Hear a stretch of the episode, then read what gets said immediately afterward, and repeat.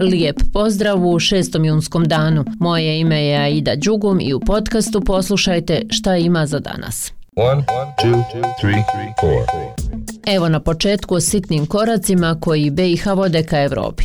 O čemu je riječ, evo da ne dužim. Sastaće se posebna grupa za reformu javne uprave između Evropske unije i Bosne i Hercegovine. To nije njihov prvi sastanak, već šesti, a politički dijalog na visokom nivou, kako je najavljeno, vodit će se o funkcionalnom upravljanju javnim financijama, javnom upravom i naravno izgradnji profesionalne državne službe zakonski usklađene na različitim nivoima vlasti.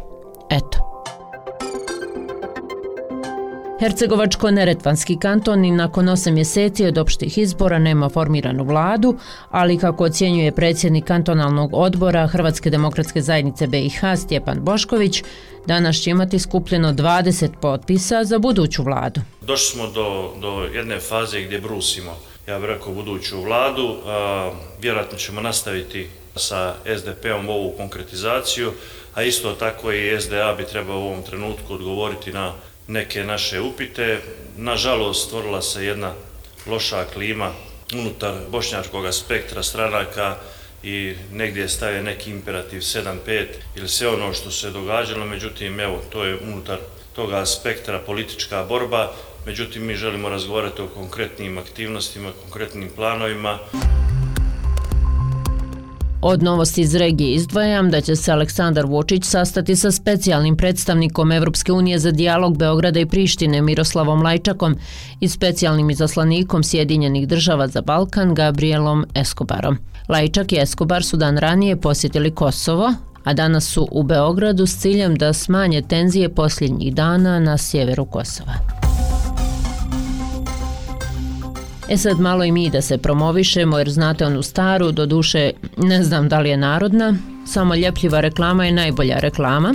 Lela je zašla u svijet vještačke inteligencije i ne znam je li se vratila, ali ovo nam je poslala. Koliko su opravdani strahovi oko umjetne inteligencije? Koliko se radi o preoveličanim upozorenjima? Kako stoje etika i AI? O tome u novom podcastu zavire ispod površine, kao i to šta je sa našim sposobnostima da prepoznamo sadržaj generisan preko nekog AI servisa. Teško biste prepoznali da to nije Liam Gallagher iz Oasisa, nego da je lažirani Liam kao uradak vještačke inteligencije ili intervju sa Emilom Carterom, AI ekspertom za AI. Thank you, Hvala vam, Leila. Zadovoljstvo je biti ovdje.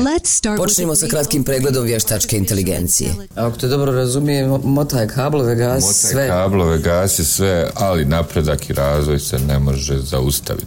Dakle, tu smo gdje smo. Tu smo. Razvijajmo se do kraja.